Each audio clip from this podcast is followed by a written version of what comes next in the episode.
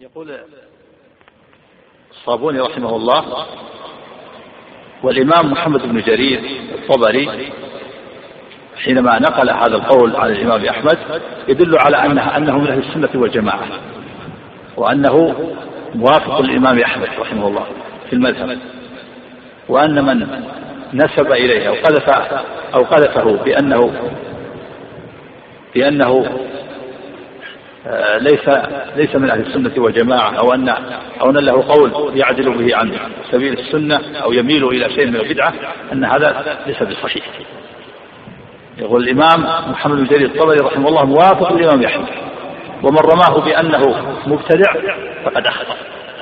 لأنه حينما نقل عن الإمام أحمد هذه المقاله دل على أنه موافق له وأنه من أهل السنة والجماعة.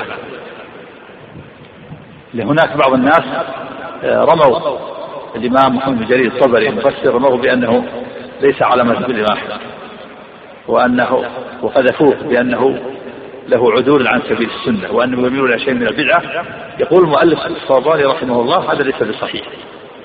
فالإمام ابن جرير الطبري حينما نقل هذا هذا القول عن الإمام أحمد دل على أنه موافق له وأن من نسبه إلى البدعة فقد أخطأ. ولهذا قال قلت وهو أعني محمد بن جرير قد نفى عن نفسه بهذا الفصل الذي ذكر في كتابه كل ما نسب إليه وقذف به من عدول عن سبيل السنة أو ميل إلى شيء من البدعة. ثم قال والذي حكاه عن أحمد رحمه الله وأرضاه أن اللفظية الجهمية صحيح وصحيح عنه الإمام أحمد يقول اللفظية جهمية. اللفظية الذي يقول لفظي بالقرآن مخلوق. يعني من قال لفظي بالقرآن مخلوق؟ كمن قال القرآن مخلوق. يقول هذا ثابت عن الإمام أحمد. والذي نقل الإمام محمد بن جرير الطبري عن الإمام أحمد أنه قال لفظية اللفظية جهمية صحيح. وإنما قال ذلك لأن جهما وأصحابه صرحوا بخلق القرآن. جهم بن هذا والذي تنسب إليه الجهمية. جهم بن صفوان السمقندي الترمذي. وهو تنسب إليه عقيدة نفس الصفات نفي الأسماء والصفات وأول من ابتدع القول بنفس الصفات الجعد بن درهم. قتل خالد بن عبد الله القسري كما سبين المؤلف رحمه الله. ولكن قبل قتله اتصل به الجهم وأخذ عنه عقيدة نفس الصفات و وجهم يتزعم أربع عقائد كلها خبيثة. عقيدة نفس الصفات الأسماء والصفات وعقيدة الإرجاء والقول بأن العلماء ليست داخلة في مسمى الإيمان وليست مطلوبة وعقيدة الجبر والقول بأن الإنسان مجبور على أفعاله وعقيدة القول بثناء الجنة والنار فالجهل اشتهر بهذه العقائد الأربعة. عقيدة نفي الأسماء والصفات عقيدة الإرجاء عقيدة الجبر عقيدة القول بثناء الجنة والنار وقتل الجهم صفان جهل قتل سلم بن واحد أمير خراسان فالجهم فالجهم هو يتزعم طائفة الجهمية تنسب إليه طائفة الجهمية الذين ينفون الأسماء والصفات عن الله عز وجل. ونفي الأسماء والصفات عن الله كفر وضلال لأن معناه ينتج العدم الشيء الذي ليس له اسم ولا صفة لا وجود له. أي شيء تنفي عن الأسماء والصفات لا وجود له. ما ليس هناك شيء إلا وله اسم الصفات الجمال هذا الجمال هذا هذا الماصة الآن. تصف من لها طول ولها عرض ولها عمق. وتصف بأنها موجودة. فإذا قلت إن هناك ماصة ليس لها طول ولا عرض ولا عمق وليست فوق داخل السماء ولا خارج السماء ليست داخل العالم ولا خارج العالم ولا متصلة بالعالم ولا منفصلة بالعالم ولا حل بالعالم ولا خارج عن العالم ماذا تكون؟ هذا العجب كذلك هؤلاء الجهمية نفوا عن الله جميع الأسماء والصفات ف فألزمهم العلماء بأن بأن هذا إنكار لوجود الله ولهذا قال العلماء إن أقوال الجهمية تدور على أنه ليس فوق فوق السماء إله وليس فوق العرش إله يعبد. نسأل الله السلامة والعافية ويقول عبد الله المبارك إن سنحكي أقوال اليهود والنصارى ولا نستطيع أن نحكي أقوال الجهمية. من خبثها من خبث أقواله يقول المؤلف رحمه الله الصابوني الذي حكاه أبو عثمان الصابوني الذي حكاه الإمام أبو عثمان إسماعيل بن عبد الرحمن الصابوني عن الإمام محمد بن جرير الذي حكاه الإمام محمد جرير عن الإمام أحمد أن لفظية جهمية صحيح. وإنما قال الإمام أحمد رحمه الله إن اللفظية جهمية لأن جهما وأصحابه صرحوا بخلق القرآن. قالوا القرآن مخلوق. الجهمية يقولون القرآن مخلوق وهذا كفر وضلال. والذين قالوا باللفظ باللفظ. الذي يقول لفظي في القرآن مخلوق يقول تدرجوا به إلى القول بخلق القرآن. وخافوا أهل السنة في ذلك الزمان من التصريح بخلق القرآن. فهم الذين قالوا لفظي بالقرآن مخلوق يقول هؤلاء آه، تستروا ما استطاعوا أن يقولوا القرآن مخلوق؟ خوفا من أن تقطع رقابهم ويقتلوا. فقالوا فقال, فقال واحد منهم لفظي بالقرآن مخلوق. وتدرجوا به إلى القول بخلق القرآن. وخافوا أهل السنة في ذلك الزمان لأن لهم قوة من التصريح بخلق القرآن. فأدرجوه في فأدرجوه في هذا القول ذي اللبس. أدرجوا القول بخلق القرآن بقولهم لفظ القرآن مخلوق.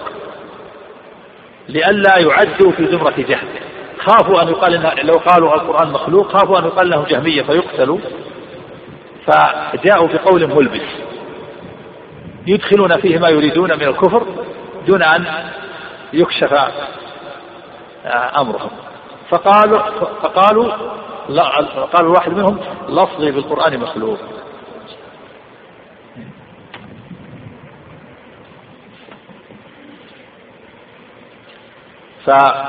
فأدرجوا في هذا القول فأدرجوا في هذا القول باللبس لئلا يعدوا في ذرة جهل. الذين هم شياطين الإنس يوحي بعضهم إلى بعض زخرف القول غرورا. فذكروا هذا اللفظ فقال الواحد لفظ بالقرآن مخلوق وأرادوا أن القرآن بلفظنا مخلوق.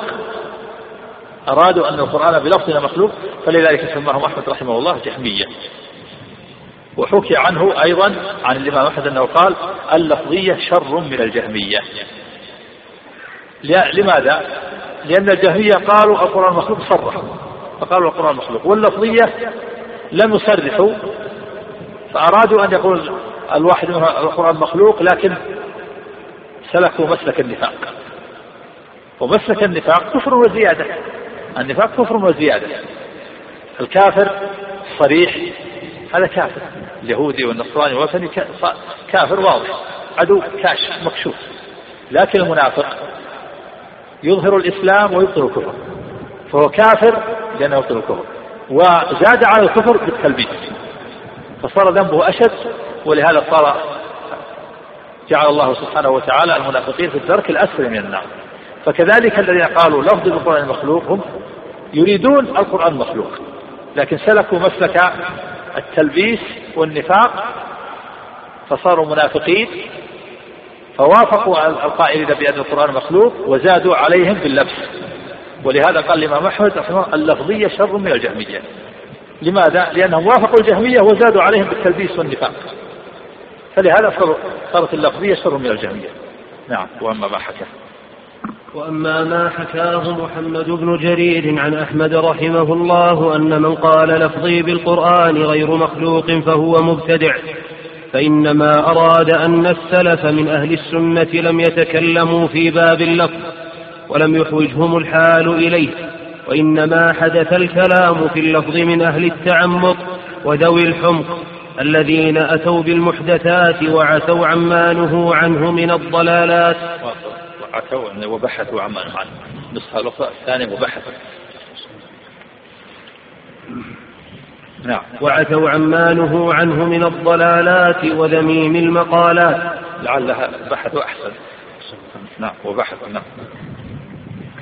وبحثوا عما نهوا عنه من الضلالات وذميم المقالات.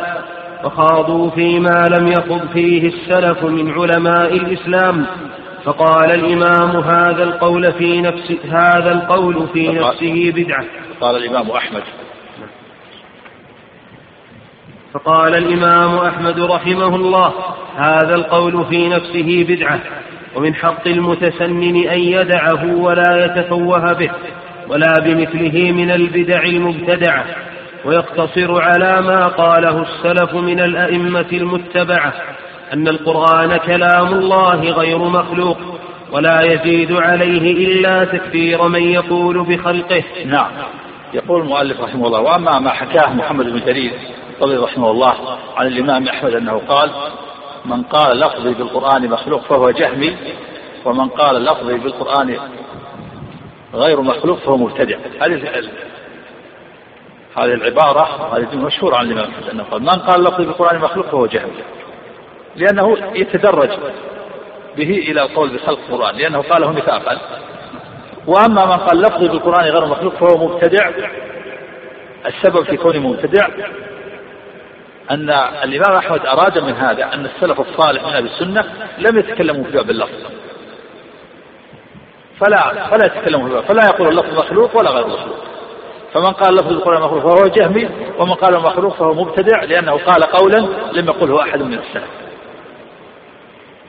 ولهذا قال هنا إنما أراد أن السلف الصالح من أهل السنة لم يتكلموا في باب اللفظ ولم يحوجهم الحال إليه.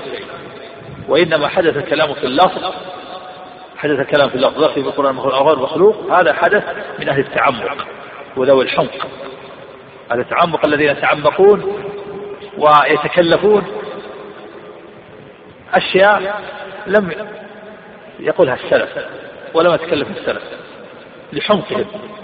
فأتوا بالمحدثات من الدين وبحثوا عما نهوا عنه من الضلالات والمقالات الذميمة. وخاضوا في شيء لم يخض فيه السلف من علماء الإسلام ولهذا قال الإمام أحمد رحمه الله من قال لفظي بالقرآن مخلوق فهو جهمي ومن قال غير مخلوق فهو مبتدع. يعني هذا القول في نفسه بدعة. من قال لفظ بالقرآن غير مخلوق يقول الإمام أحمد هذا القول في نفسه بدعة. ومن حق المتسنن والنسخة الأخرى المتدين أن يدع يترك هذا اللفظ. ما يقول لفظ القرآن مخلوق ولا غير مخلوق. يترك هذا اللفظ. ولا يتفوه به ولا بمثله من البدع المبتدعة. ويقتصر على ما قال على ما قاله السلف من الأئمة المتبعة. يقتصر على ما قاله السلف من الصحابة من العلماء والأئمة الذين قالوا كلام الله القرآن كلام الله منزل غير مخلوق. ولا يزيد لا يقول لك القرآن مخلوق ولا يقول غير مخلوق. ولا يزيد عليه إلا أنه يكفر من قال بخلق القرآن. القرآن كلام الله منزل غير مخلوق ومن قال القرآن مخلوق فهو كافر. على وجه العموم. أما الشخص المعين الذي يقول القرآن مخلوق هذا لابد من قيام الحجة عليه. نعم. أخبرنا الحاكم أبو عبد الله الحافظ قال حدثنا أبو بكر محمد بن عبد الله الجراحي بمرو قال حدثنا يحيى بن ساسوية قال حدثنا عبد الكريم السكري. قال وهب بن زمعة أخبرني علي الباشاني. قال سمعت عبد الله بن المبارك رحمه الله يقول من كفر بحرف من القرآن فقد كفر بالقرآن ومن قال لا أؤمن بهذه اللام فقد كفر. ها؟ من قال لا أؤمن بهذه اللام. بهذا اللام أو بهذا الكلام نسخة الأخرى بهذا الكلام.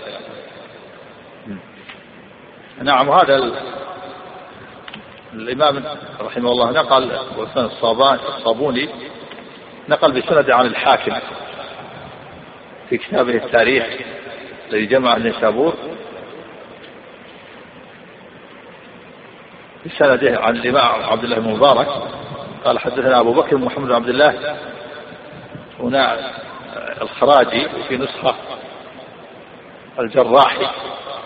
يحتاج إلى مراجعة. يحيى بن سالوك عن أبيه عبد الكريم السندي وفي نسخة اليشكري بدلا من السندي. وفي نسخة ساسويه بدل من سالوكة هذا يحتاج إلى مراجعة. نقل بسند عبد الله بن مبارك رحمه الله أنه قال وهو الإمام المشهور من من كفر بحرف من القرآن فقد كفر بالقرآن كله. نعم. يعني من أنكر حرفا من كلام الله حرف من القرآن فهو كافر. من جحد حرفا من القرآن فهو كافر. ومن قال لا أؤمن بهذا بهذا الكلام عندك في هذا اللام؟ يحتاج إلى مراجعة كلام الإمام عبد الله المبارك بهذا اللام يعني الحرف يعني حرف اللام. أو لا أؤمن بهذا الكلام فقد كفر يعني من لم يؤمن بالقرآن فهو كافر. ومن جحد حرفا أو كلمة من القرآن فهو كافر. نسأل الله. لأن القرآن كلام الله. نعم. وهو وهو متواتر معلوم من الدين بالضرورة أن القرآن كلام الله. فمن أنكر شيئا منه ولو حرفا واحدا فإنه يكفر نسأل الله السلامة والعافية نعم. ويعتقد أصحاب الحديث ويشهدون أن الله سبحانه فوق سبع سماوات على عرشه مستو كما نطق به كتابه في قوله عز وجل في سورة الأعراف إن ربكم الله الذي خلق السماوات والأرض في ستة أيام ثم استوى على العرش. وقوله جل وعلا في سورة يونس إن ربكم الله الذي خلق السماوات والأرض في ستة أيام ثم استوى على العرش يدبر الأمر ما من شفيع إلا من بعد إذنه. وقوله جل وعلا في سورة الرعد الله الذي رفع السماوات بغير عمد ترونها ثم استوى على العرش. وقوله في سورة الفرقان ثم استوى على العرش الرحمن فاسأل به خبيرا وقوله في سورة السجدة ثم استوى على العرش وقوله في سورة طه الرحمن على العرش استوى وأخبر الله نعم هذا استواء الله على العرش. استواء الله على العرش من الصفات التي أيضا اشتد النزاع فيها بين أهل السنة وبين أهل البدع صفة الاستواء وصفة العلو. وما صفتان؟ صفة العلو هذه من الصفات التي ثبتت بالنصوص وبالعقل وبالفطرة. ومن الصفات الثبوتية الصفات اللازمة للرب عز وجل التي لا تملك على الباري الرب لم يزل عاليا فوق مخلوقاته. هو سبحانه وتعالى فوق مخلوقاته وفوق سماواته هو فوق العرش. والعرش هو سقف المخلوقات. والله تعالى فوق العرش بعد أن تنتهي المخلوقات.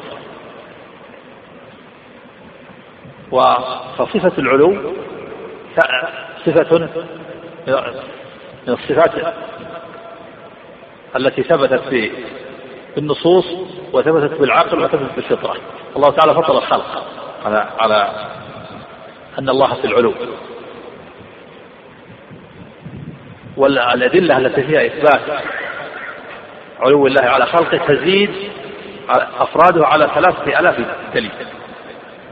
تزيد على ثلاثة آلاف دليل أفراد وهناك قواعد ترجع إليها.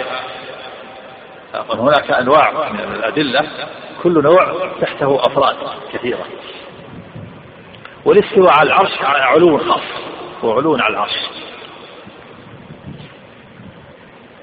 والاستواء الاستواء على العرش علو خاص. وهو من الصفات الفعلية. الاستواء على العرش من الصفات الفعلية. والعلو من الصفات الذاتية. فالفرق بين الصفتين بين العلو وبين الاستواء من جهتين. أولا أن صفة العلو من الصفات الثابتة بالعقل وبالشرع. وبالفطرة أما صفة الاستواء فهي ثابتة بالشرع. لولا أن الله أخبرنا بأن الصلاة لما علم ذلك. آه وثانيا أن صفة العلو من الصفات الذاتية التي لا تفك عن البال وصفة الاستواء من الصفات الفعلية.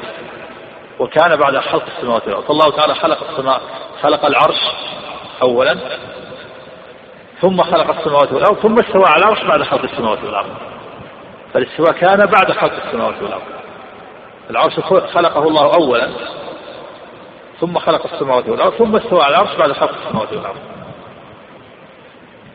والنصوص التي فيها استواء استواء الله على العرش في القرآن العزيز نصوص الاستواء في سبعة مواضع في سبعة مواضع.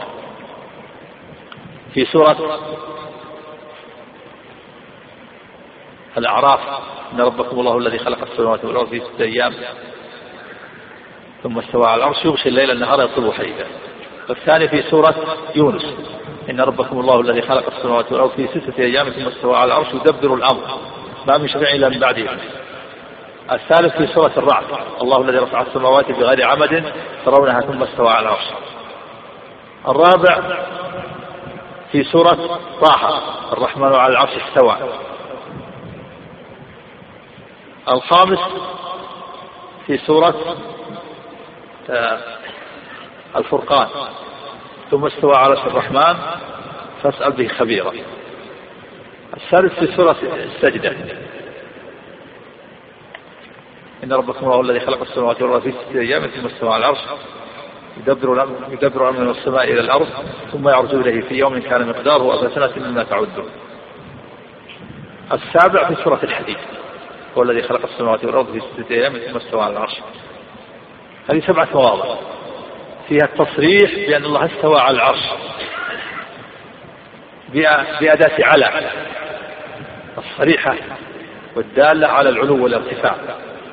سبعة مواضع كلها فيها إثبات أن الله استوى على العرش بأداة على الصريحة في العلو والارتفاع في سورة الأعراف وفي سورة يونس وفي سورة الرعد وفي سورة طه وفي سورة الفرقان وفي سورة السجدة وفي سورة الحديد سبعة مواضع. وفي السنة نصوص أخرى. نعم. وأخبر الله سبحانه عن فرعون اللعين أنه قال لهامان. قوله وقوله إليه يصعد الكلم قوله إليه يصعد الكلم بعد الرحمن على استوى؟ بعد نصوص الاستواء على العرش. بعد ها؟ بعد بعد بعد نصوص الاستواء اقرا بعد الرحمن على العرش استوى. نعم إيش بعد؟ بعده أخبر الله سبحانه عن فرعون. طيب.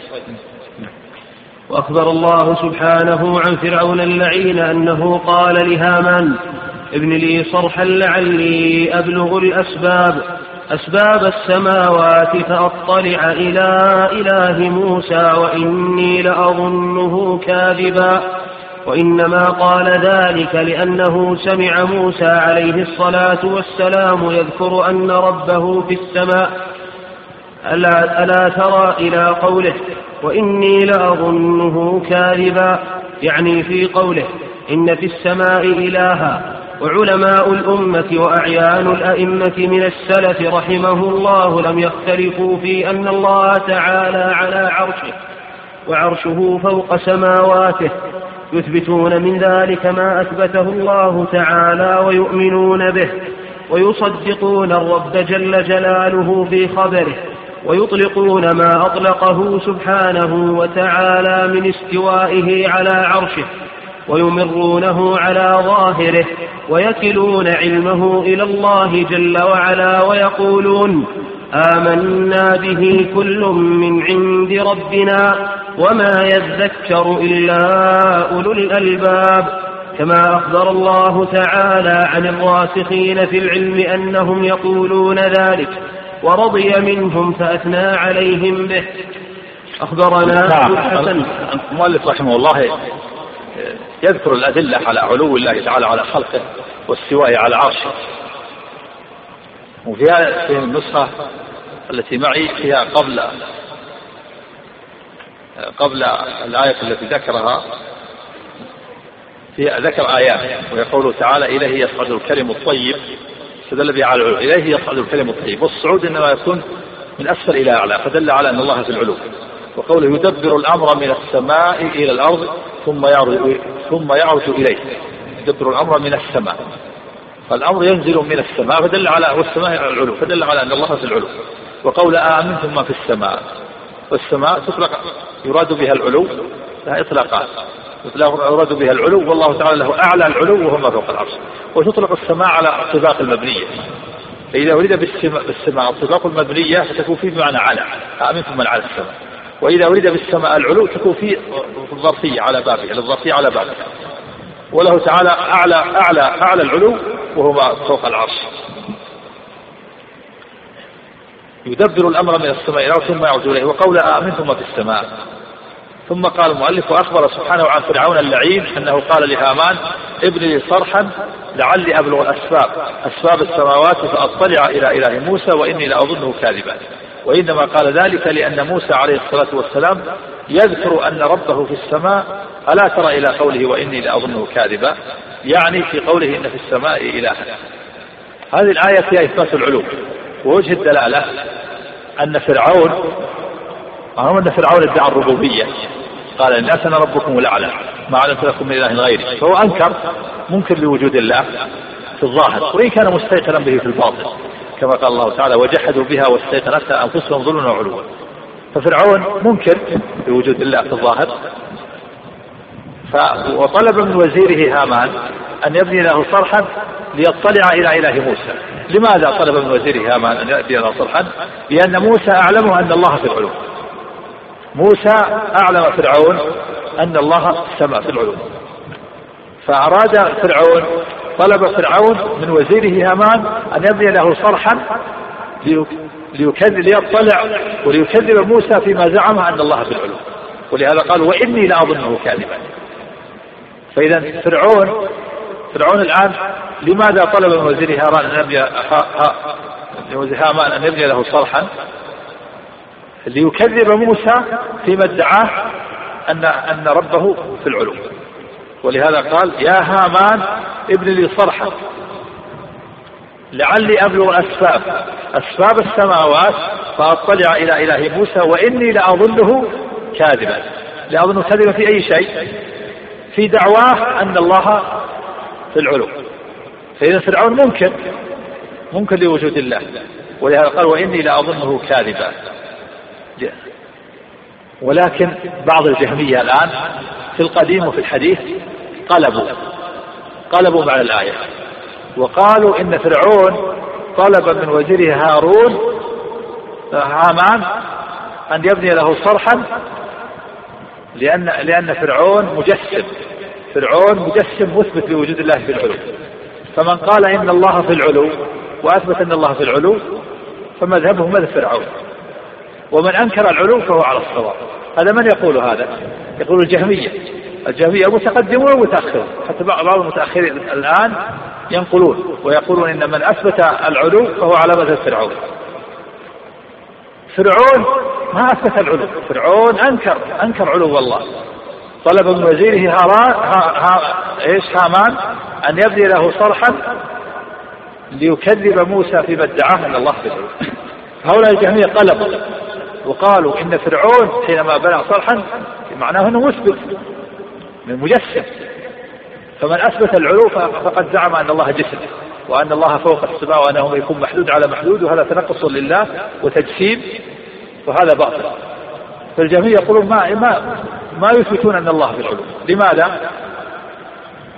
يقولون لو قلنا إن الله فوق السماء لصار جسما ولا صار محدودا ولا صار متحيزا وهذا تنقص لله. تجعل الله محدود جسم في مكان واحد؟ لا هو ذاهب في جميع الجهات كلها. جعله مختلط بالمخلوقات فالجهمية أنكروا نفي الله في العلو.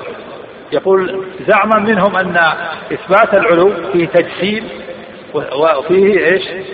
تنقص لله حيث حيث يجعل محدود ومتحيز.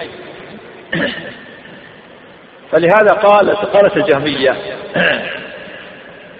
قالوا الجهمية إن, إن فرعون مثبت للعلو لأنه مجسم.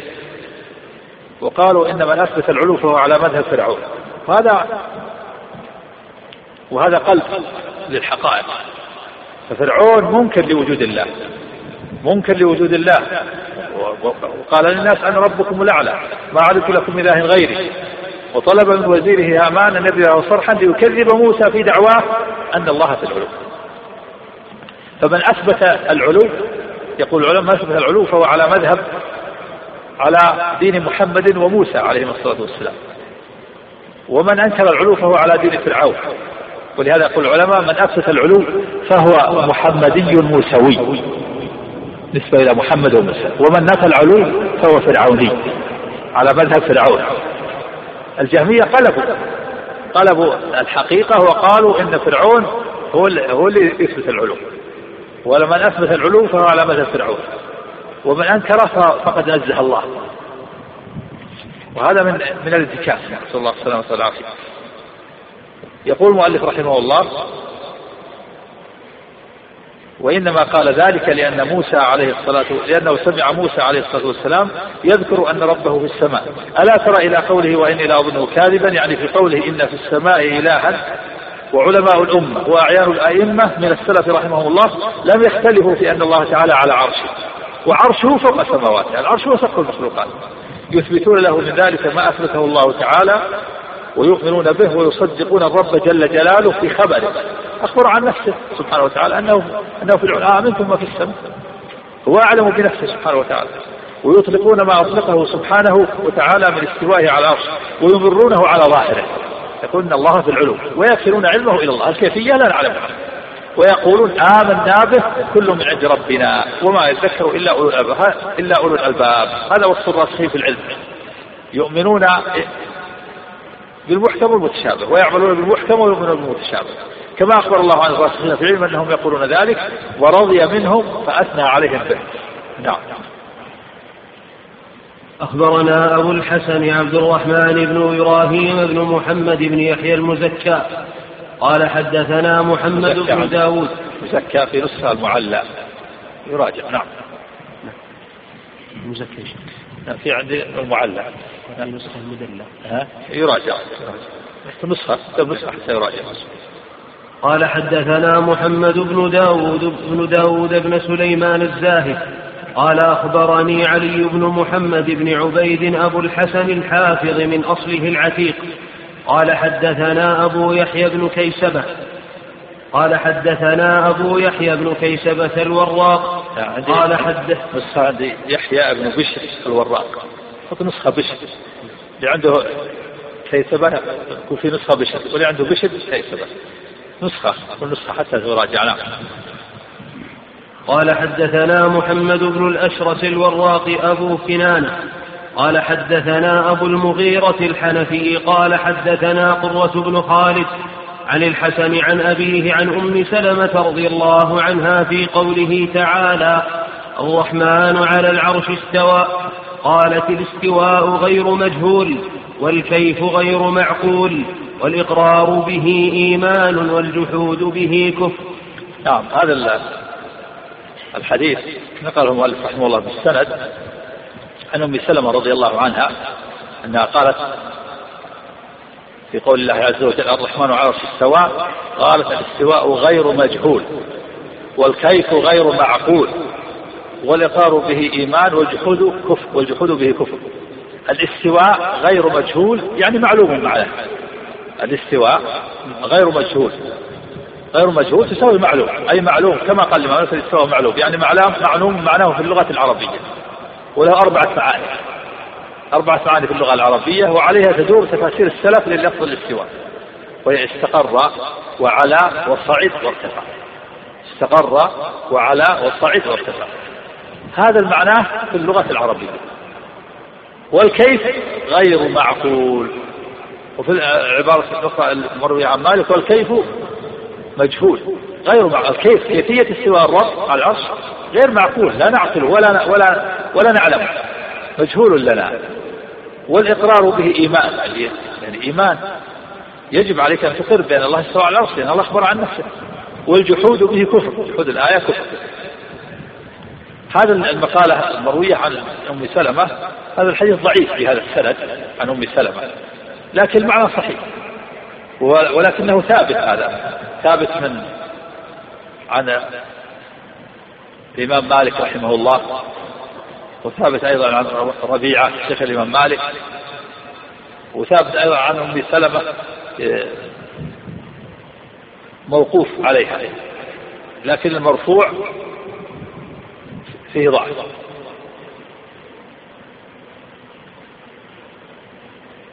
فهذا القول محفوظ عن عن ربيعة ربيعة الرأي شيخ الإمام مالك وعن مالك بن أنس. فأما ثبوت عن أم سلمة ففيه, ففيه ضعف. لكن المعنى صحيح. نعم. وحدثنا أبو الحسن بن ابن أبي إسحاق المزكي. وفي هذا دليل على فيه دليل على أن فيه إثبات الاستواء استواء الرب على العرش وأن الاستواء معلوم معناه في اللغة العربية وأما الكيف فهو مجهول. وهذا يقال في جميع الصفات كل الصفات معانيها معلومة والكيفية كيفية التصور بها مجهول. نعم. وحدثنا أبو الحسن بن أبي إسحاق المزكى بن المزكى قال حدثنا أحمد بن الخضر أبو الحسن الشافعي. مزكى في نسخة المدني. تجعل نسخة في نسخة المدني نعم. قال حدثنا أحمد بن الخضر أبو الحسن الشافعي. قال حدثنا شاذان. قال حدثنا ابن مخلد بن يزيد القهستاني. قال حدثنا جعفر بن ميمون قال سئل مالك بن أنس رحمه الله عن قوله تعالى الرحمن على العرش استوى كيف استوى؟ قال الاستواء غير مجهول. والكيف غير معقول والإيمان به واجب والسؤال عنه بدعة. وما أراك إلا ضالا وأمر به أن يخرج من مجلسه. وأمر يعني الإمام مالك. وأمر. وأمر به أن يخرج من مجلسه. نعم وهذا وهذه المقالة عن الإمام مالك رحمه الله ثابتة ثابت عن الإمام مالك. نقله المؤلف رحمه الله بالسند أن مالك رحمه الله سئل جاءه سائل وهو في مجلسه مجلس التحديث يحدث الناس في المسجد.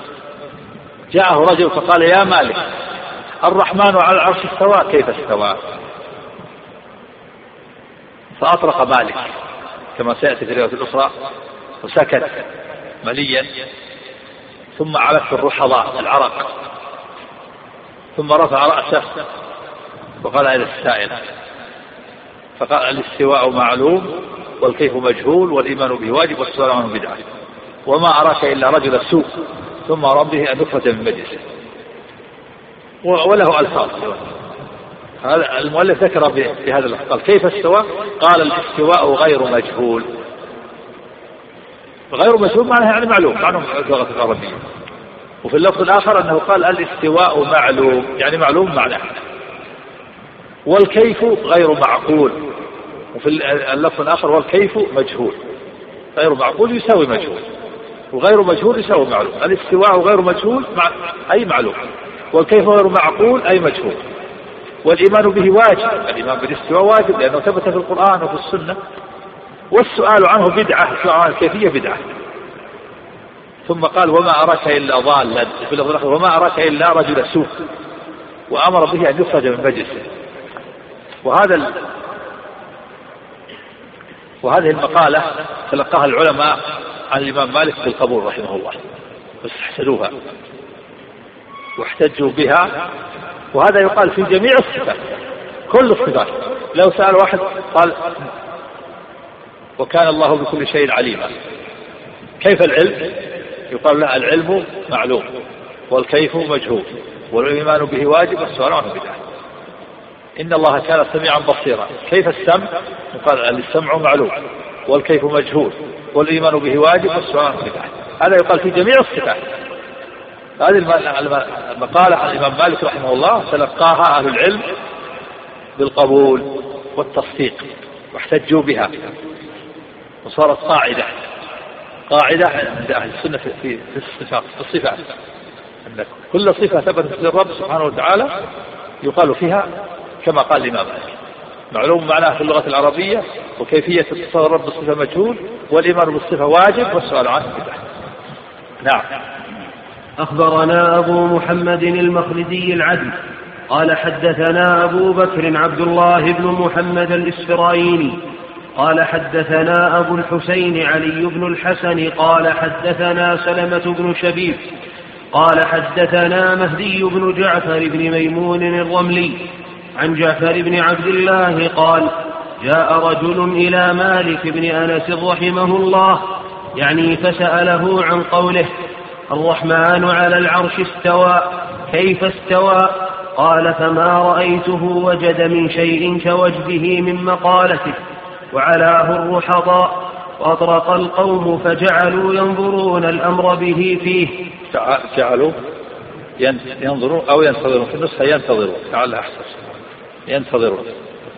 فجعلوا ينتظرون الأمر به فيه ثم سري عن مالك رحمه الله فقال الكيف غير معقول والاستواء غير مجهول والإيمان به واجب والسؤال عنه بدعة وإني لأخاف أن تكون ضالا. ثم أمر به فأخرج. نعم وهذا صحيح ثابت عن الإمام مالك رحمه الله. هذه رواية أخرى المؤلف رحمه الله عدة روايات. هذه رواية في هذه الرواية أن هذا الرجل جاء وسأل الإمام مالك رحمه الله عن قوله تعالى الرحمن على العرش على العرش استوى. كيف استوى؟ قال الراوي فما رأيته يعني الإمام مالك وجد من شيء كوجده من مقالته وجد يعني غضب. فما رأيته غضب غضب من شيء أشد من غضبه ذلك غضب. وعلاه الرحضاء. يعني على العرق تصبب من العرق من من ثقل هذه المقالة وشدتها على الإمام مالك رحمه الله. وأطرق القوم وأطرق برأسه أيضا. سكت مدة ما يكلم ما يتكلم. وأطرق القوم فجعلوا ينتظرون الأمر به. فيه ينتظرون ماذا يقول الإمام مالك؟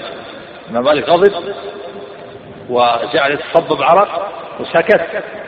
والرجل واقف. ينتظر. ثم سري عن يعني انكشف وزال ما به فقال الكيف غير معلوم؟ والاستواء غير مجهول. الكيف غير معلوم؟ الكيف غير معلوم. الكيفية يعني كيفية الاستواء غير معلومة بل هي مجهولة. والاستواء غير مجهول بل هو معلوم. الاستواء معلوم معناه في اللغة العربية هو الاستقرار والعلو والصعود والارتفاع والكيف؟ كيفية صفات الرب بالاستواء؟ هذا غير معلوم والإيمان به واجب والسؤال عنه بدعة. الإيمان بالصفة واجب والسؤال عن الكيفية بدعة. ثم قال الإمام مالك وإني لأخاف أن تكون ضالا. يعني هذا الرجل الذي سأل. لماذا يسأل؟ السؤال هذا كيف استوى؟ يسأل عن الكيفية. هذا سؤال باطل. لا ينبغي أن يسأل عن الكيفية. يجب عليه أن يؤمن بالاستواء. يقول آمنت بالله ورسوله آمنت بالله وبما جاء على مراد الله وآمنت برسول الله وبما جاء رسول الله على مراد رسول الله. الاستواء قال الرب قال الرحمن على العرش استوى يجب على الإنسان يقول آمنت بالله ورسوله. الله استوى على العرش استوى يليق بجلاله وعظمته. أما أن يسأل يقول كيف استوى؟ هذا بدعة. لا تسأل عن الكيفية. الاستواء معروف معنا في اللغة العربية أما الكيفية فلا يعلمها إلا هو سبحانه وتعالى. ولهذا قال قال الإمام مالك رحمه الله وإني أخاف أن تكون ضالا. ثم أمر به فأخرج. هذا الرجل أخرج عن مجلسه وأبعد عن مجلس الإمام مالك. طرد من الحلقة ومن المسجد ومن المسجد ومن المجلس. بسبب بدعته. وسؤاله سؤالا مبتدعا. حتى لا تسري بدعته إلى غيره. نعم. وأخبرنيه جدي أبو حامد أحمد بن إسماعيل. فإذا كان هذا الإمام مالك رحمه وغيره والذي يسعى على الكيفية يطرد ويخرج من المسجد ويهجر الآن في هذا الزمان صار صار كل يتكلم كل يتكلم بما يشاء كل يؤلف كل يكتب. تكلم الرويبضة وصار المبتدع يكتبون المعتزلة يكتبون والأشاعرة يكتبون والضلال يكتبون وكل يكتب. أين هم من الأئمة رحمه الله؟ الأئمة في زمانهم ما يستطيع أحد يتكلم ولا يستطيع أحد يكتب. من كتب يؤدب ويهجر وينف ويحذر منه وبذلك تموت البدع وتحيا السنة أما في الأزمة المتأخرة صار أهل البدع أخرجوا رؤوسهم وصاروا يتكلمون ويكتبون وينشرون. ولا حول ولا قوة إلا بالله. نعم.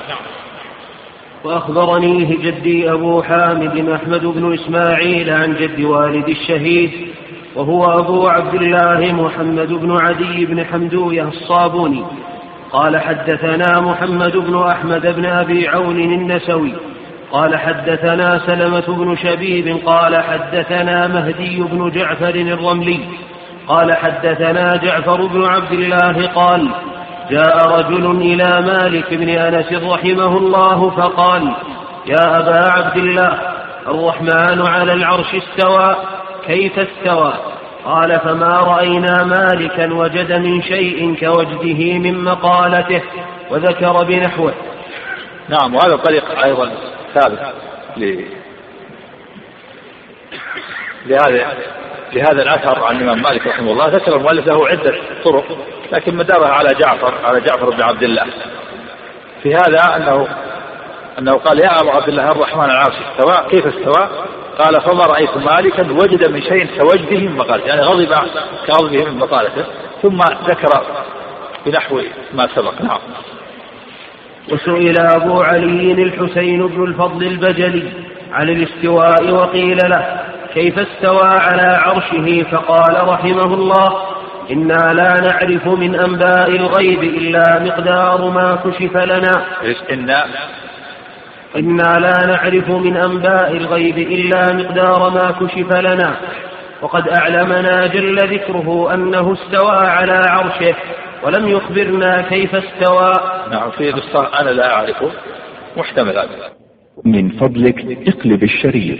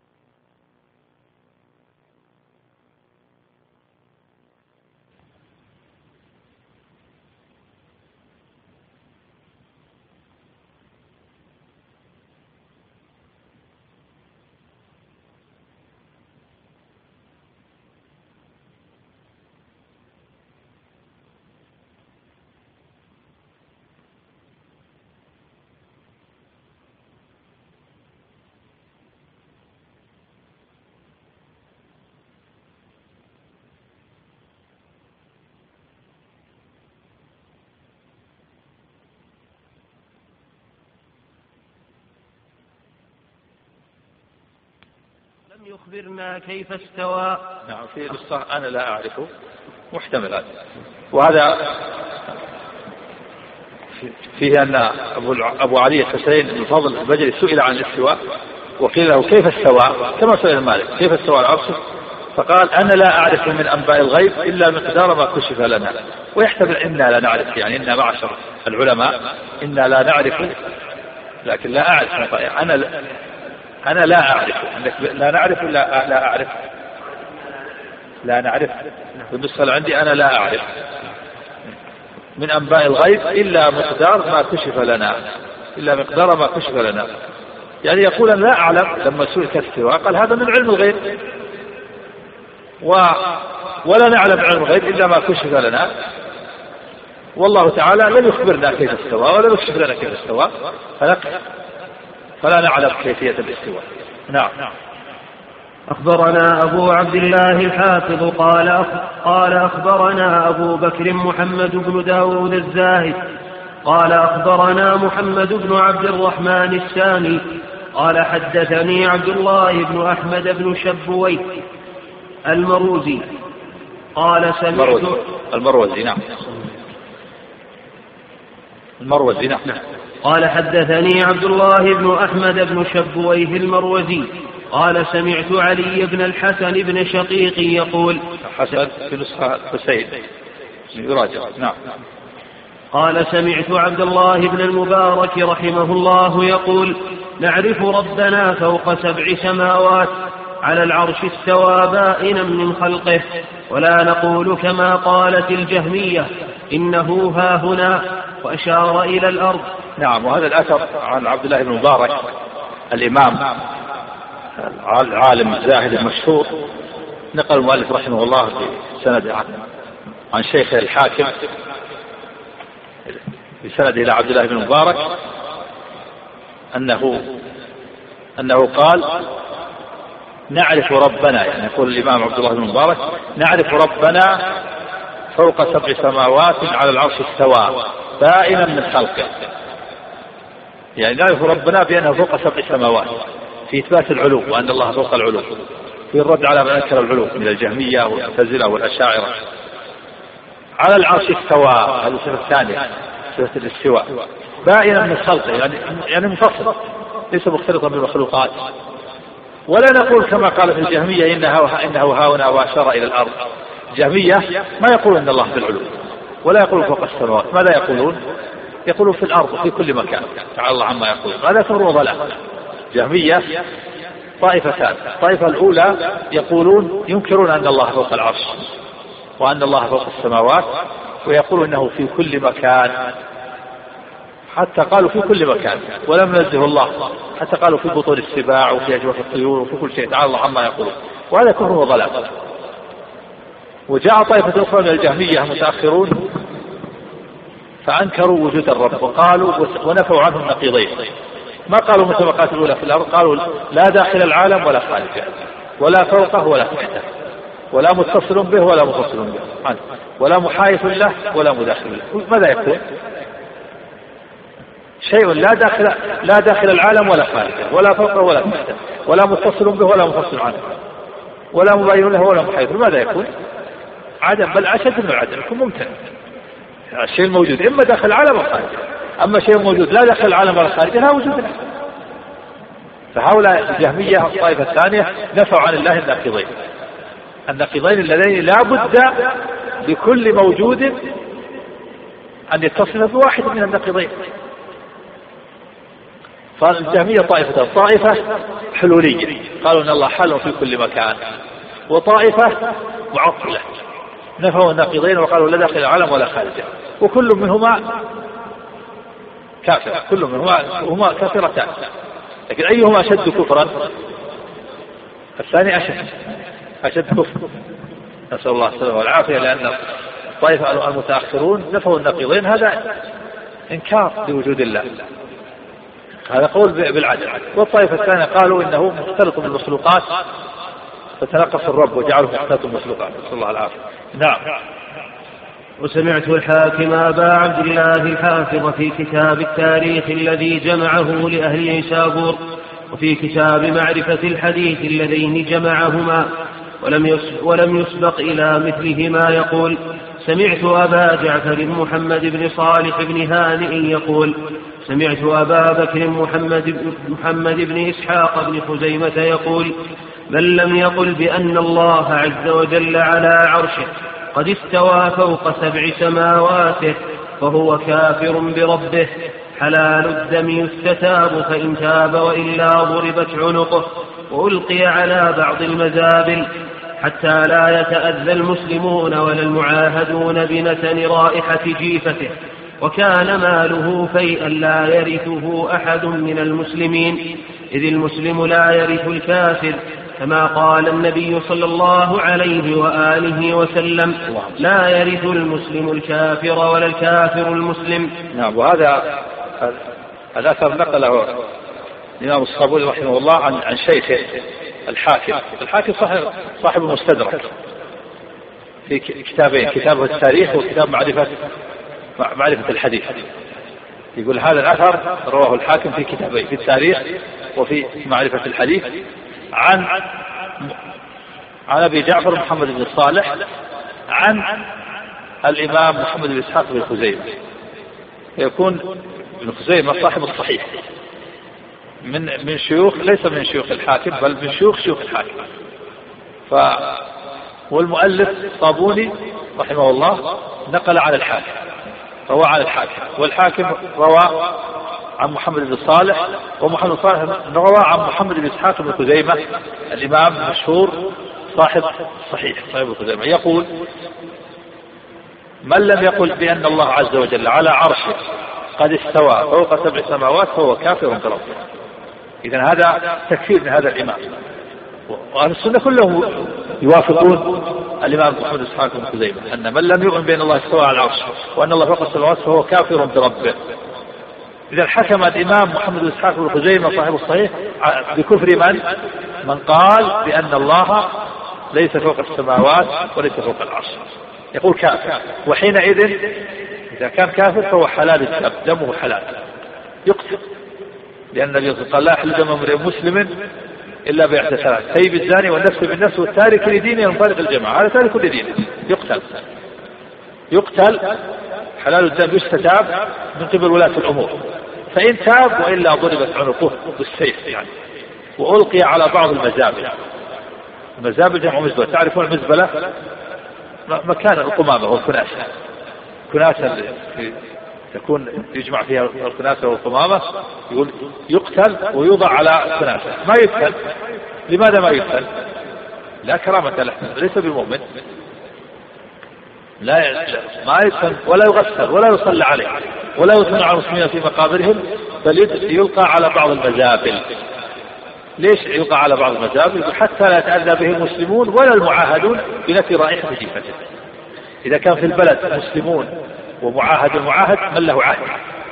من اليهود والنصارى اللي لهم ذمة أو أو يدفعون الجزية أو دخلوا بعهد. في البلد فهؤلاء لهم لهم أمان ولهم عهد. لا يقتلون ولا يؤخذ أموالهم ولهم حرمة. فيكون هذا كفر أشد من كفر اليهود والنصارى. أعظم. فيلقى يقتل ويلقى على مزبلة حتى لا يتأذى برائحة جيفته لا يتأذى به المسلمون ولا يتأذى به المعاهدون من اليهود والنصارى وغيرهم. وماله؟ أين يكون؟ هل يرث؟ إذا كان له ابن مسلم وزوجة مسلمة يكون ماله شيئا؟ يؤخذ ماله ويوضع في بيت مال المسلمين. ما يرث ما يرثه أقاربه المسلمون إلا كان له كان له ابن كافر على دينه يرث. أما أبناؤه المسلمون وزوجته مسلمة لا يرثون. يؤخذ ماله ويوضع في بيت مال المسلمين. لا يرث ولا يورث وكان ماله شيئا لا يرث أحد من المسلمين. يقول الإمام محمد بن بن خزيمة إذا المسلم لا يرث الكافر. كما قال النبي صلى الله عليه وسلم لا يرث المسلم الكافر ولا الكافر المسلم. رواه الشيخان البخاري ومسلم وغيرهما. وهذا حكم من الإمام محمد بن إسحاق بن خزيمة بإيش؟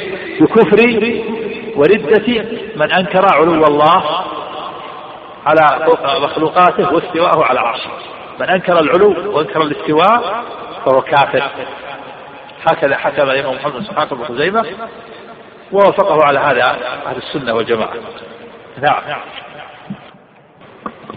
وإمامنا أبو عبد الله محمد بن, إدريس الشافعي رحمه رضي الله عنه احتج في كتابه المبسوط في مسألة إعتاق الرقبة المؤمنة في الكفارة وأن غير المؤمنة لا يصح التكفير بها بخبر معاوية بن الحكم وأنه أراد أن يعتق الجارية السوداء لكفارة وسأل رسول الله صلى الله عليه وسلم عن اعتاقه إياها فامتحنها رسول الله صلى الله عليه وسلم فقال صلى الله عليه وسلم لها من أنا؟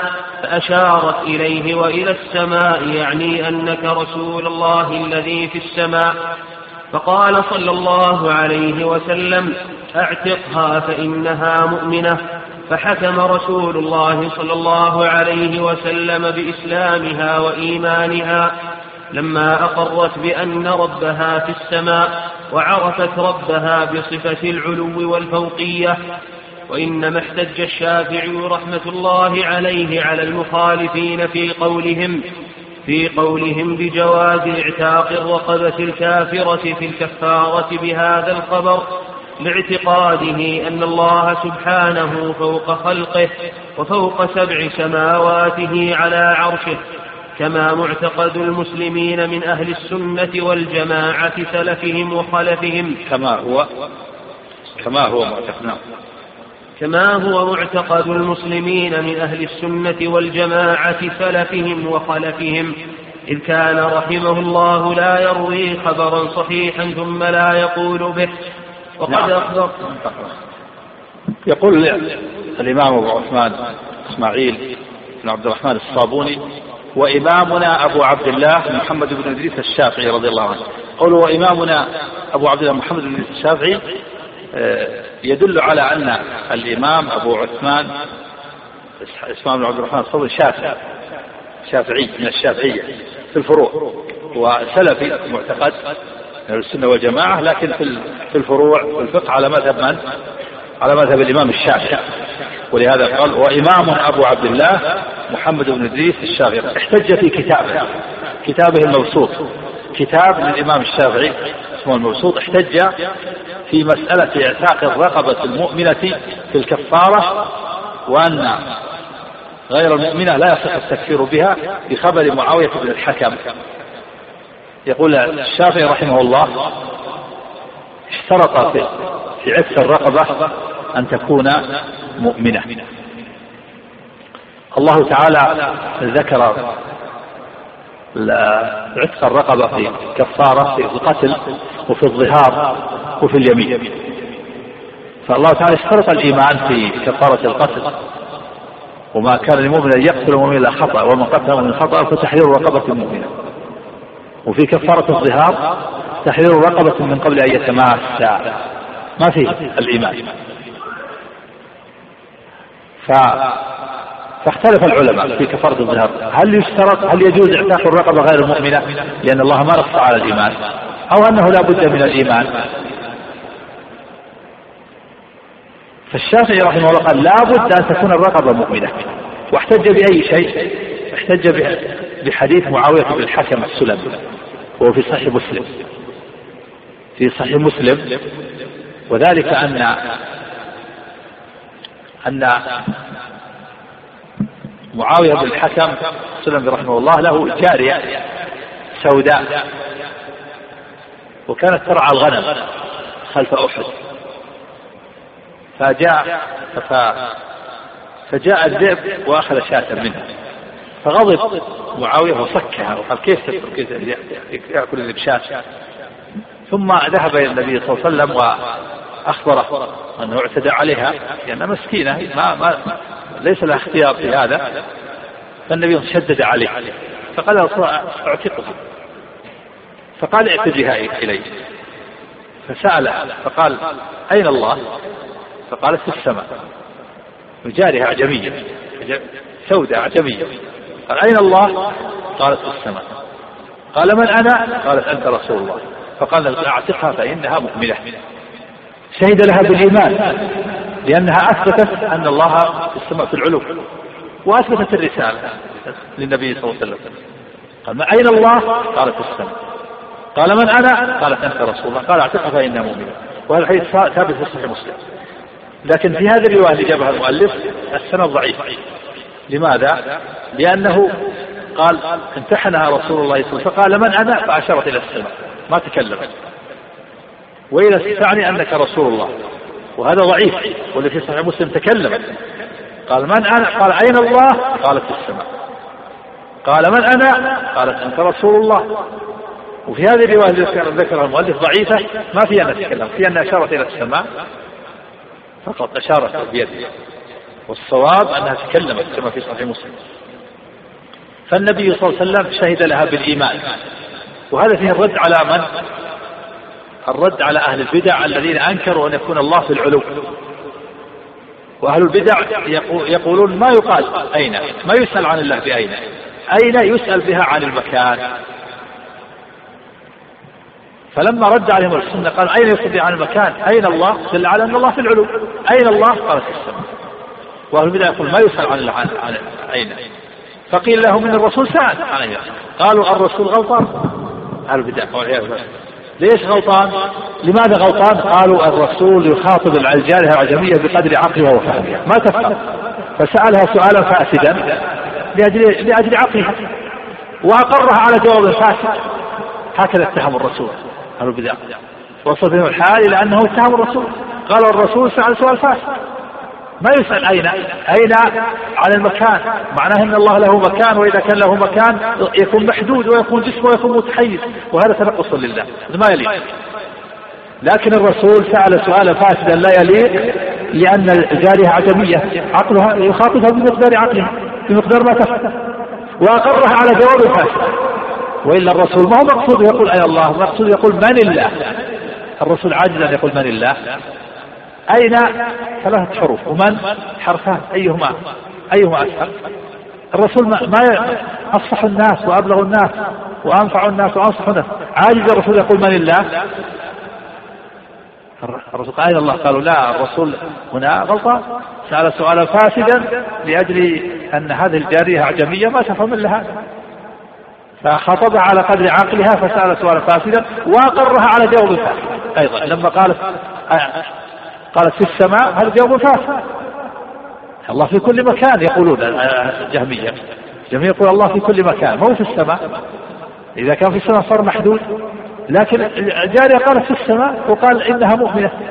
قالوا إن هذا أقرها على جواب فاسد لأن هذا هو اللي انتشر على مقدار. هكذا اتهم الرسول عليه الصلاة والسلام. وصف بهم الحال إلى هذا. الشافعي الإمام الشافعي رحمه الله يقول الرسول صلى الله عليه وسلم حكم رسول الله صلى الله عليه وسلم بإسلامها وإيمانها لما أقرت بأن ربها في السماء وعرفت ربها بصفة العلو والفوقية ثم قال المؤلف رحمه الله وإنما احتج الشافعي رحمة الله عليه على المخالفين في قولهم بجواز اعتاق الرقبة الكافرة في الكفارة بهذا الخبر. لاعتقاده أن الله سبحانه فوق خلقه وفوق سبع سماواته على عرش كما هو معتقد المسلمين أهل السنة والجماعة. يقول الشافعي رحمه الله احتج على من قال بجواز إعتاق الرقبة الكافرة بهذا الحديث. الشافعي قال لا يجوز إعتاق الرقبة إلا إذا كانت مؤمنة. وقال بعض العلماء يجوز إعتاق الرقبة الكافرة. الشافعي قال قال عندي دليل الدليل حديث الجارية. لأن الرسول سألها ما أين الله؟ قالت في السماء قال من أنا؟ قالت أنت رسول الله قال اعتق فإنها مؤمنة فلم يرخص له الرسول باعتاقها حتى حتى ثبت له إيمانها الشافعي احتج على من أجاز اعتاق الرغبة الكافرة بحديث معاوية بن الحكم السلمي ولهذا قال المؤلف رحمه الله وإنما احتج الشافعي رحمة الله عليه على المخالفين في قولهم بجواز اعتاق الرقبة الكافرة في الكفارة بهذا الخبر لاعتقاده أن المسلمين ان أن الله سبحانه فوق خلقه وفوق سبع سماوات على عرشه كما هو معتقد المسلمين أهل السنة والجماعة سلفهم وخلفهم. هذا معتقد المسلمين. قديما وحديثا. السلف والخلف يعتقدون أن الله فوق خلقه وفوق سبع سماوات على عرشه. إذ كان رحمه الله يعني لا يروي لا يروي خبرا صحيحا كان الشافعي لا يروي خبرا صحيحا إلا ويقول به ويعمل به. فعمل بهذا الحديث. لما صح الحديث عنده عمل به. فقال لا بد أن تكون الرقبة مؤمنة. نعم. وقد أخبرنا الحاكم أبو عبد الله رحمه الله قال أنبأنا الإمام أبو الوليد حسان بن محمد الفقيه قال حدثنا إبراهيم بن محمود قال سمعت الربيع بن سليمان يقول سمعت الشافعي رحمه الله يقول إذا رأيتموني أقول قولا وقد صح عن النبي صلى الله عليه وسلم خلافه. فاعلموا أن عقلي قد ذهب. نعم هذا ثابت عن الإمام الشافعي. يقول إذا قلت قولا فرأيتم أقول قولا. والحديث يخالف قولي فاعلموا أن عقلي قد ذهب. وهذا قاله الأئمة كلهم كل الأئمة يقول إذا صح الحديث وروي عنه أنه قال إذا صح الحديث فهو مذهب. قال بعض العلماء إذا قلت قولا يخالف قول الرسول صلى الله عليه وسلم فخذوا بقول الرسول واضربوا بقول عرض الحائط الشافعي يقول إذا قلت قولا وصح الحديث بخلافه فاعلموا أن عقلي قد ذهب. كيف يخالف قول الرسول عليه السلام؟ ما يمكن. نعم. قال الحاكم رحمه الله سمعت أبا الوليد غير مرة يقول حدثت عن الزعفراني أن الشافعي رحمه الله روى يوما حديثا فقال السائل يا أبا عبد الله تقول به قال تراني في بيعة أو كنيسة ترى علي زي الكفار هو ذا تراني في مسجد المسلمين على زي المسلمين. علي علي زي المسلمين. علي زي المسلمين مستقبلا قبلتهم. أروي حديثا عن النبي صلى الله عليه وسلم ثم لا أقول به.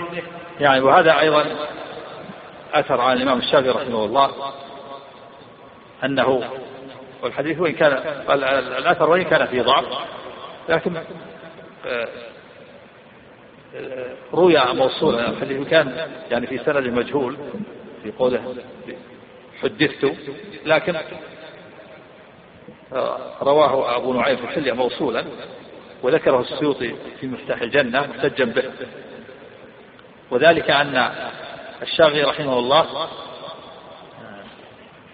روى يوما حديثا روى حديث عن الرسول صلى الله عليه وسلم. فقال فقال رجل سائل يسأله يا أبا عبد الله هل تقول بهذا الحديث تعمل به؟ فأنكر عليه الشافعي واشتد وكيف حديث ولا أقول به؟ قال تراني في بيعة بيعة النصارى معبد النصارى تراني في كنيسة. ترى ترى علي يدي الكفار عليه زنار يدرسون في الوسط. ترى علي يدي الكفار حتى ما أقول به. كيف أروي حديث ولا أقول به؟ أنا أنا في مسجد المسلمين علي يدي المسلمين أستقبل القبلة أروي الحديث عن النبي ثم لا أقول به. هذا فيه تعظيم الإمام الشافعي للسنة. أنكر على الثاني لما حديث قال تقول يا أبا عبد الله بهذا الحديث يعني تعمل به؟ قال سبحان الله. أنا مسلم كيف ما أعمل به؟ هل أنت رأيتني في معبد النصارى البيعة أو الكنيسة في معبد اليهود أو الكنيسة في معبد النصارى؟ حتى تقول تعمل بهذا الحديث؟ هل ترى علي زي الكفر ولا زي المسلمين؟ هل تراني مستقبل القبلة؟ ألا تراني في المسجد؟ كيف تقول لي تروي الحديث تقول به؟ لا يمكن ما, أقول به لا بد أن أقول به. نعم. قال أبو عثمان والفرق بين أهل السنة وبين أهل البدع أنهم إذا سمعوا خبرا في صفات الرب ردوه أصلا ولم يقبلوه أو للظاهر ثم تأولوه بتأويل يقصدون به رفع الخبر من أصله وإبطال عقولهم وآراءهم فيه. ويعلمون حقا يقينا أن ما قاله رسول الله صلى الله عليه وسلم فعلى ما قال إذ هو كان أعرف بالرب جل جلاله من غيره ولم يقل فيه إلا حقا وصدقا ووحيا قال الله عز وجل وما ينطق عن الهوى إن هو إلا وحي يوحى قال الزهري إمام الأئمة. يقول الإمام أبو عثمان رحمه الله الفرق بين أهل السنة وبين البدعة. أن أن أهل البدعة إذا سمعوا خبرا في صفة الرب ردوه ردوا الخبر أو تأولوه بتأويل باطل. أما أهل السنة فإنهم يقبلون الحديث ويقبلون ما جاء فيه من الصفات ويقولون على العين والرأس آمنا بالله وبما جاء الله على مراد الله وآمنا برسول الله وبما جاء رسول على مراد رسول الله. فهذا العلامة الفارقة بين أهل السنة وبين البدع أن أهل السنة يقبلون الحديث ويؤمنون بما دلت عليه وأهل البدع يردونها يردونها يردون الخبر إما أن يقولوا هذا خبر أحد ما نقبله أو يتأولون بتأويل باطل. هذا الفرق بينهم هذه علامة. أهل السنة يقبلون الحديث إذا صح إذا صح سنده وعدلت رواته ولم يكن شاذا ولا معللا يقبلونه في العقائد وفي الأعمال وفي الأخلاق وفي كل شيء. أما أهل البدع فهم بين أمرين. الأمر إما أن يردوه من الأساس يقول هذا خبر أحد لا يحتج به وإما أن يتأولوه بتأويل فاسد هذا الفرق بينهم. ولهذا قال المؤلف رحمه الله يتأولون بتأويل يقصدون برفع الخبر من أصله. وأما أهل السنة والجماعة فهم يعتقدون أن ما قاله الرسول صلى الله عليه وسلم فهو حق. لأن الرسول أعرف بالرب جل جلاله من غيره. وقد قال الله تعالى عن نبيه وما ينطق عن الهوى إن هو إلا وحي يوحى. نعم. قال الزهري. قال الزهري رحمه الله إمام الأئمة وغيره من علماء الأمة رضي الله عنه. على الله البيان وعلى الرسول البلاغ وعلينا التسليم. هذا هذا يقول أهل السنة والجماعة. قاعدة أهل السنة. على الله البيان وعلى الرسول البلاغ وعلينا التسليم. ما نعترض. الله تعالى بين لنا وأخبرنا والرسول صلى الله عليه وسلم بلغنا ونحن نسلم ونقبل أمر الله وأمر رسوله وخبر الله وخبر رسوله. نعم. وروى يونس بن عبد الصمد بن, بن معقل عن أبيه أن الجعد بن درهم قدم على وهب بن منبه يسأله عن صفات الله تعالى فقال ويلك يا جعد بعض المسألة إني لأظنك من الهالكين. يا جعد لو لم يخبرنا الله في كتابه أن له يدا وعينا ووجها لما قلنا بذلك فاتق الله ثم لم يلبث جعد أن قتل وصلب نعم وهذا الأثر عن عن وهب بن أن جعد بن درهم وهو أول من تكلم في نفس الصفات. أول من تكلم في نفس الصفات هو جعد بن درهم. سأل عن الصفات فقال له وهب ويلك يا جعد؟ بعض المسألة. إني لأظنك من الهالكين. يا جعد لو لم يكن الله في كتابه أن له يدا وعينا ووجها لما قلت ذلك. يعني ما أثبت إلا ما أثبته الله في كتابه فاتق الله. ثم لم يلبث جعد أن قتل وصلب كما سيذكر المؤلف القصة اللي بعدها. نعم. وخطب خالد بن عبد الله القسري رحمه الله يوم الأضحى بالبصرة. فقال في آخر خطبته انصرفوا إلى منازلكم وضحوا بارك الله لكم في ضحاياكم فإني مضح اليوم بالجعد بن درهم فإنه يقول لم يتخذ الله إبراهيم خليلا ولم يكلم موسى تكليما. سبحانه وتعالى عما يقول الجعد علوا كبيرا. ونزل عن المنبر فذبحه بيده وأمر بصلبه. نعم وهذه القصة فيها قتل الجعد بن درهم. وجعد بن درهم هو أول أول من ابتدع القول بنفس الصفات الجعد بن درهم. أول من حفظ عنه في الإسلام. مقالة التعطيل هو الجعد بن درهم. و وكان الذي تكلم به في صفتين. أنكر صفة التكليم وصفة الخلد أنكر أن يكون الله اتخذ إبراهيم خليلا وأن يكلم موسى تكليمين؟ تكليما أنكر صفتين. لكن هاتين الصفتين ترجع إليهما جميع الصفات.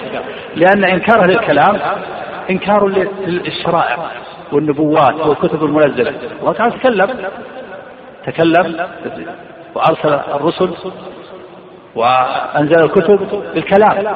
فمن أنكر كلام الله معناه أنكر الكتب المنزلة والرسل وأبطل الشرائع. وكذلك أيضا أنكر الخلة وهي كمال المحبة وقال إنه قطع العلاقة بين بين الله وبين خلقه. يقول المحبة لا تكون لمناسبة بين الخالق والمخلوق ولا مناسبة بين الخالق والمخلوق. قطع الصلة بين الله وبين خلقه. طيب أي أي أي مناسبة أعظم من رب وعبد؟ الله تعالى هو الذي رب خلقه. وخلقهم من أوجدهم من العدم وربهم بنعمه وأرسل إليهم رسل وأنزل الكتب. والعباد يعبدون ربهم ويتألهون ويتضرعون إليه. فهذه أعظم صلة فلا ف... فلما أنكر هذه الصفات أفتى العلماء في زمانه كانوا من التابعين أفتوا بقتله. وكان خالد بن عبد القسطي أمير العراق والمشرق بواسط كان هو الأمير فأفتوه فأفتاه العلماء وكانوا من التابعين بقتله وأنه مستحق القتل. فأمر به فقيد ووثق بالأغلال وكان ذلك وكان ذلك قبيل عيد الأضحى.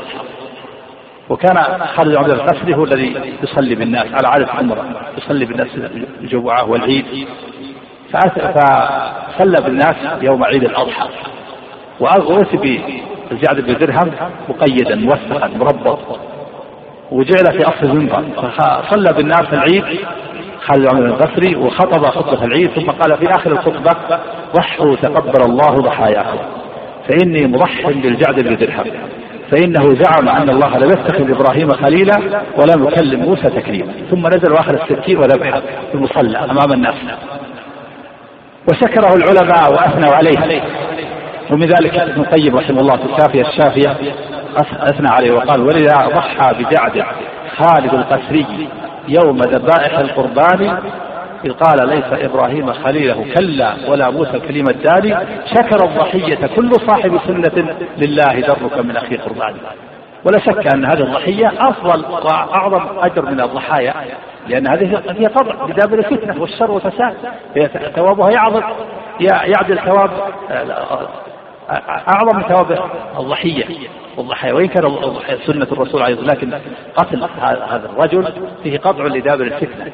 لكن مع الأسف أن هذا الرجل قبل أن يقتل اتصل به الجهم بن صفوان وأخذ عنه عقيدة في الصفات ثم نشرها واتصل بغيره بالمشركين والصابئين واليهود ونشر عقيدة الصفات فنسبت إليه الجهمية فنسبت إليه العقيدة فقيل عقيدة الجهمية. وفق الله جميع طاعته سبحانه بسم الله الرحمن الرحيم. يقول السائل ما نصه؟ لماذا هذا التحامل على هذا الشخص الذي سأل الإمام مالك رحمه الله؟ أليست هذه شبهة عرضت له فيجب بيانها له وتوضيحها دون إخراجه من المسجد؟ لا هذا ليس تحامل وإنما هذا نهي للبدع لأن لأن هذا الشخص سأل عن الكيفية. سأل عن الكيفية والكيفية لا يعلمها إلا الله لأنه لو فتح باب لهذا الرجل لا كثرت البدع وكثرت البدع وصار أهل البدع لهم جرأة على أهل السنة وصاروا ينشرون البدع. فالإمام مالك رحمه الله أراد أن يبين أنه لا يجوز للإنسان أن يتكلم ويتفوه بما في نفسه من البدع. نعم. يقول السائل هل للمعتزلة وجود الآن وكيف نعرفهم؟ نعم المعتزلة موجودون الآن والأشعار موجود والأشاعرة موجودون والجهمية موجودون بل الاتحادية موجودة. الاتحادية الذي أكثر من أكثر خلق الله الاتحادية لا يقولون الوجود واحد الرب عبد والعبد رب. تطبع كتبهم الآن وتحقق وتطبع في أوراق ثقيلة وموجودة في كل مكان. في الشام وفي مصر وفي السودان وفي أفريقيا وفي ليبيا وفي كل مكان. وقد قتل شخص في زمن النميري حاكم السودان قبل سنين قبل سنين رجل ينفض جبته ويقول ويقول عن نفسه إنه الله. فقتل. فالصوفية موجودون الآن والاتحادية والجهمية والأشاعرة موجودون منتشرون في كل مكان. إذا خرجت لو خرجت من المملكة وجدت هذا صريح. وجدت في كل في كل بلد طرق صوفية. تجد في البلد فيها طريقة عشر طرق عشرين طريقة. كل طريقة لها شيخ يقودهم إلى النار والعياذ بالله. وطرق الصوفية. منها ما هو ما منها ما هو طريقة مكفرة ومنها ما هو طريقة مبتدعة. نعم. يقول السائل هل عرف عن السلف خلاف في تكفير الجهمية؟ وهل جاء عن الإمام ابن تيمية رحمه الله حكاية للخلاف في ذلك؟ نعم العلماء لهم خلاف في هذا. من العلماء من كفر الجهمية بإطلاق ومنهم من بدعهم ومنهم من كفر الغلاة. وذكر العلامة ابن القيم رحمه الله أنه كفر الجهمية 500 عام. 500 عام. قال ولقد تقلد كفرهم خمسون في عشر من العلماء في البلدان خمسون في عشرة كم؟ 500 ولقد تقلد كفرهم خمسون في عشر من العلماء في البلدان ولا لك أي الإمام قد حكاه عنهم بل قد بل قد حكاه قبله الطبراني. نعم. يقول السائل الذين قالوا إن اللفظ بالقرآن مخلوق منهم الإمام البخاري كما ذكر ذلك ونقله الذهبي رحمه الله. واستدلوا على ذلك بأن الله خالق كل شيء وألفاظنا مخلوقة. لا البخاري ما قال اللفظ بالقرآن مخلوق. البخاري رحمه الله فصل وميز بين ما يقوم بالعبد وما يقوم بالرب وقال إن العباد مخلوقون أقوالهم وأفعالهم وألفاظهم. ولم يقل هذه المقالة لكن حصلت فتنة في صفوف المحدثين وسببها أمران. الأمر الأول الشبهة التي حصلت من القول المجمل للإمام أحمد حينما قال لفظي بالقرآن مخلوق من قال لفظي بالقرآن مخلوق فهو جهل. ومن قال غير مخلوق فهو مبتدع. والثاني الشهوة وهي الحسد الذي حصل لبعض الناس فاجتمع من هذين الأمرين. الشبهة التي حصلت من القول المجمل للإمام أحمد والشهوة وهي الحسد. فرمي الإمام البخاري رحمه الله بأنه يقول في مسألة اللفظ وهجره من هجره وإلا فإن فإنه لا منافاة بين قول الإمام البخاري وبين قول الإمام أحمد. أهل أئمة أهل السنة لا منافاة بين أقوالهم. كما ذكر ذلك العلامة ابن القيم رحمه الله في الصواعق المرسلة قال إن الإمام أحمد رحمه الله أجمل وسد الباب وسد الذريعة. فقال ما قال لفظ القرآن مخلوق فهو جهل ومن قال غير مخلوق فهو مبتدع والإمام البخاري رحمه الله فصل وميز بين ما يقوم بالرب وما يقوم بالعبد والإمام أحمد لا لا يخالف البخاري والبخاري لا يخالف الإمام أحمد. بل هما متفقان لكن الفتنة التي حصلت سببها أمران. الأمر الأول الشبهة التي نشأت من من فهم كلام الإمام أحمد رحمه الله من تفسير كلام الإمام أحمد تفسير المجمل للإمام أحمد. والثاني الشهوة التي حصل سببها الحسد للإمام البخاري رحمه الله لما نشر الله له من الصيت. ولما رفع الله شأنه حسده بعض الناس وتعلقوا بالقول المجمل حصلتهم شبهة من القول المجمل للإمام أحمد فحصلت هذه الفتنة. وإلا فلا منا فإن فإن كل من الإمامين البخاري وأحمد والإمام أحمد والإمام البخاري فهما متفقان. رحمة الله عليهما نعم. يقول السائل ما معنى الإرجاء؟ الإرجاء هو القول بأن الأعمال غير داخلة في مسمى الإيمان. الإمام هو تصديق بالقلب والأعمال ليست في مسمى الإيمان والمرجئة طائفة الجهمية الذين يقول الأعمال غير مطلوبة والثاني مرجئة الفقهاء الذين يقولون الأعمال مطلوبة لكن ليست من الإيمان وكل منهم خطأ لكن قول الجهمية كفر وضلال. نسأل الله نعم. يقول السائل هل يقال أن الله جل وعلا موجود في كل مكان بعلمه؟ يقال إن الله فوق العرش وعلمه في كل مكان. ما يقال موجود. إن الله فوق العرش. وعلمه في كل مكان. نعم. يقول السائل هل ثبت عن ابن القيم رحمه الله القول بفناء الجنة والنار؟ ابن القيم رحمه الله ظاهر ما كتب في هذا أن له قولان أن له قولين في هذا. ولكن أيهما القول؟ لأنه ذكر في آه، في شفاء العليل أطال ونقل أقوال قائل من خلاء النار. آه، وكذلك في حاد الأرواح إلى بلاد الأفراح أما نسبة إلى شيخ الإسلام ابن فلا صح شيخ الإسلام ابن لا يقول بذلك لكن ابن القيم رحمه الله ظاهر ما كتبه أن له قولين في المسألة وأنه يميل إلى أحد القولين وليس صريحا. وظاهر أن له قولين وأنه رجع على أحدهما.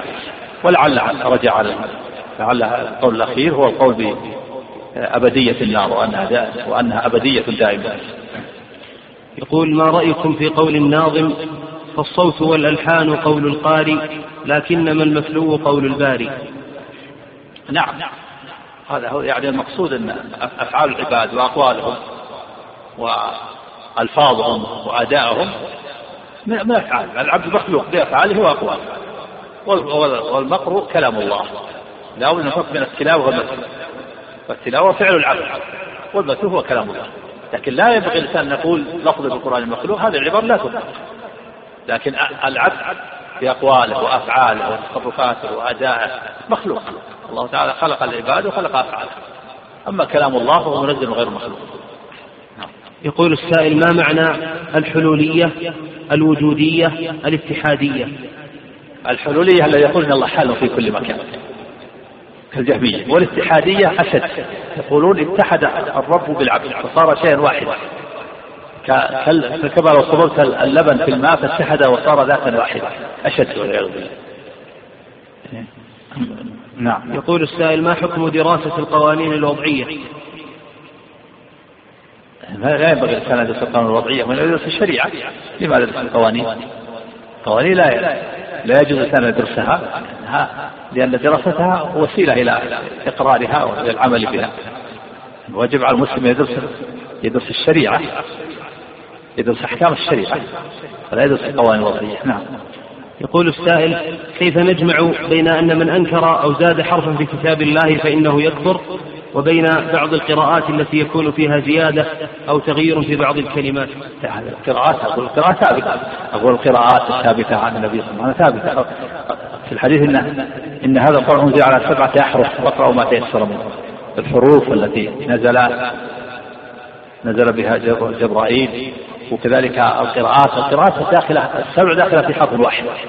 هو الحرف هو الحرف الذي كان في العرضة الأخيرة عرضة جبريل في السنة الأخيرة. ثم وهو الذي جمع مصحف الخليفة الراشد عثمان رحمه الله رضي الله عنه جمع الناس على حرف واحد. والحرف الذي كان في العرض الأخيرة. وكانت السبع داخلة كلها في الحرف. هذه ما يقال لها زيادة كلها ثابتة. قراءات كلها ثابتة. قراءات كلها ثابتة بالوحي قراءات والحروف. لكن من زاد حرفا في كتاب الله؟ لم ليس من الحروف السبعة التي نزلت في الوحي وليس من القراءات ثابتة. فهذا هو الذي عليه الوعيد هذا هو الذي يكفر. نعم. يقول ما المراد بقول القرآن قديم ومن قال به من الطوائف؟ قال القرآن كلام الله منزل غير مخلوق القرآن قديم. يعني يقول القرآن قديم هذا معناه معنى هذا إنكار لكلام الله هذا قال به الأشاعرة. يقول القرآن قديم يعني معنى قائم بالنفس هذا معنى أن الله ما تكلم به. الله تعالى تكلم بالقرآن تكلم تكلم به ونزل منجما على حسب الحوادث في 23 سنة. فقول بأنه قديم هذا قول الأشاعرة يعني أن الله لم يتكلم به وإنما هو معنى قائم بالنفس. نعم. هذا يطلب الدعاء لإخواننا في الشيشان وفلسطين نسأل الله أن ينصر إخوان المسلمين في الشيشان. نسأل الله أن ينصرهم على أعدائهم. نسأل الله أن يثبت قلوبهم وأن ينزل عليهم الطمأنينة والسكينة وأن يوحد صفوفهم ويجمع كلمتهم. و ونسأل الله سبحانه وتعالى أن يرحم ضعفهم وأن يجبر كسرهم. وأن ينصرهم على أعدائهم ونصر إخواننا المجاهدين في فلسطين. نسأل الله أن ينصرهم وأن يجمع كلمتهم وأن يوحد صفوفهم. ونسأل الله أن يخالف بين كلمة أعدائهم الكفرة وأن يقذف الرعب في قلوبهم وأن يشتت شملهم وأن يمزقهم وأن يجعلهم غنيمة للمسلمين. إنه ولي ذلك والقادر عليه. صلى الله وسلم وبارك على عبد الله ورسول نبينا محمد وعلى آله وأصحابه والتابعين. بسم الله الرحمن الرحيم. الحمد لله رب العالمين والصلاة والسلام على رسول الله وعلى آله وأصحابه أجمعين. اللهم اغفر لنا ولشيخنا وللحاضرين وللسامعين برحمتك يا أرحم الراحمين. قال الإمام, قال الإمام الصابوني رحمه الله تعالى ويثبت أصحاب الحديث نزول الرب سبحانه وتعالى كل ليلة إلى السماء الدنيا من غير تشبيه له بنزول المخلوقين ولا تمثيل ولا تكييف بل يثبتون ما أثبته رسول الله صلى الله عليه وسلم وينتهون فيه إليه. ويمرون الخبر الصحيح الوارد بذكره على ظاهره ويكلون علمه إلى الله. وكذلك يثبتون ما أنزله الله عز اسمه في كتابه من ذكر المجيء والإتيان المذكورين في قوله عز وجل. هل ينظرون إلا أن يأتيهم الله في ظلل من الغمام والملائكة وقوله عز اسمه وجاء ربك والملك صفا صفا. قرأت في رسالة الشيخ أبي بكر الإسماعيلي إلى أهل الجيلان أن الله سبحانه ينزل إلى السماء الدنيا على ما صح به الخبر عن الرسول صلى الله عليه وسلم. وقد قال الله عز وجل هل ينظرون إلا أن يأتيهم ما تبقى من مادة في هذا الشريط تتابعونها في الشريط التالي مع تحيات إخوانكم في تسجيلات الراية الإسلامية بالرياض. والسلام عليكم ورحمة الله وبركاته.